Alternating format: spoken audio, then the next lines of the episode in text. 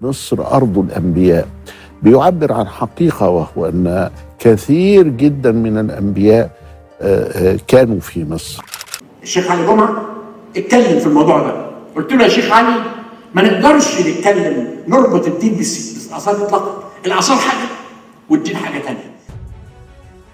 اللي سمعناه دلوقتي كان مقطع أول للشيخ علي جمعة مفتي مصر الأسبق والمقطع الثاني للدكتور زاهي حواس. الاتنين بيتكلموا في جدلية مستمرة طول الوقت ما بين الرواية الدينية والرواية التاريخية. منين اتخلق الجدل ده وإزاي يتحل؟ ده هيبقى موضوع حلقتنا النهارده. أنا محمد شوشة ومعايا سالي حسام في بودكاست سين جيم في دقائق.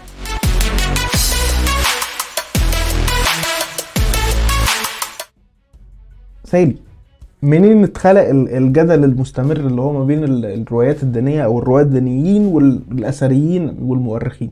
هو بحسب دراسة اتنشرت في مجلة جامعة آه، كامبريدج فالاختلاف بين الاتنين خارج من أصل التاريخ ومن أصل الدين. ففي حين أن التاريخ هو علم بيتضمن نوع معين من تشغيل العقل اللي هو التفكير في الزمن وفي فاعلية البشر وبيدور حوالين السجلات المادية اللي سابها الأقدمين عشان توفر معلومات عن وجود البشر في مكان معين بمرور الزمن. فالمقابل بقى الدين هو المساحة اللي بتتضمن تعليق العقل. ربنا قال إن كذا حصل فأنت كمؤمن مطالب بإنك تصدق بدون البحث عن دليل أو إعمال العقل. بالتالي المؤرخين بيشوفوا إن لا يمكن الاعتماد في التاريخ على الرواية الدينية ولا يمكن توكل مهمة التاريخ لرجال الدين.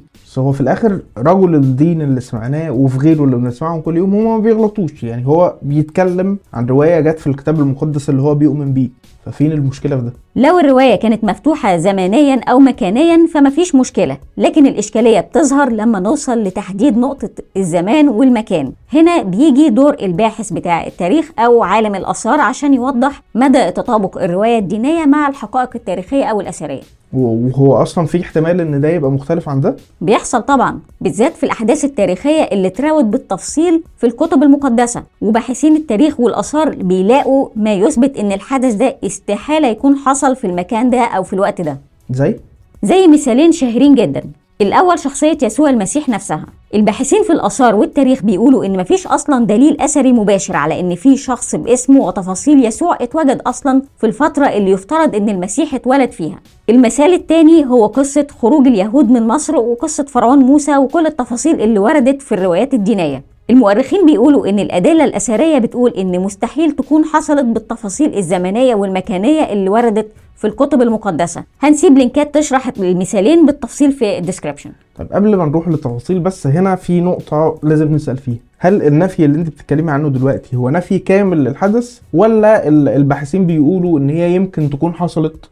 بس بتفاصيل تانية في وقت تاني في مكان تاني كده. دي نقطة جدل. في باحثين بيقولوا إن الروايتين دول وغيرهم استحالة يكونوا حصلوا أصلا. وفي باحثين تانيين بيقولوا إن الإشكالية هنا هي غياب تحديد التواريخ الدقيق في حالة الخروج أو إن غياب الأثر لا ينفي الوجود في حالة المسيح. زي مثلا آه، لورنس ميكيتشوك الأستاذ المشارك في جامعة بيرديو واللي برر غياب الأثار عن يسوع بإن الفلاحين لا يتركون عادة الأثار وراءهم. بس إذا في كتاب مقدس جايب حدث معين بتفاصيل معينة ال- الطبيعي إن المؤمن هيصدق في الكتاب المقدس بتاعه هيغلط الباحث في في التاريخ أو الآثار. ما يعني فين الغلط في النقطة دي؟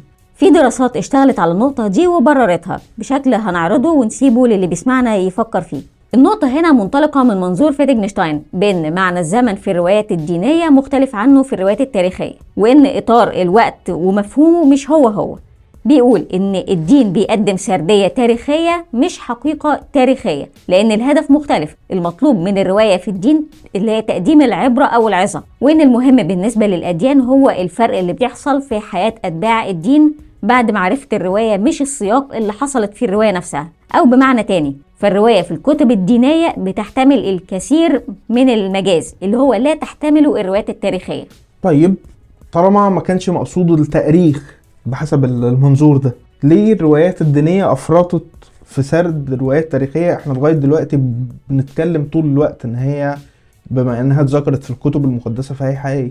الباحثين في النقطة دي بيقولوا إن التوراة كمثال استخدمت بعض تقنيات السرد بشكل نموذجي في تقديم بعض المعتقدات والسلوكيات والتجارب عشان المؤمن بيها يقدر ينغمس في القصة ويعيش في نعم الله أو عقابه للشخصيات. اللي كان فيه مساحة لسلوكها وخطاياها. لكن القارئ يفترض إنه يدرك في النهاية إن كل حاجة مشيت في النهاية وفقا للإرادة الإلهية.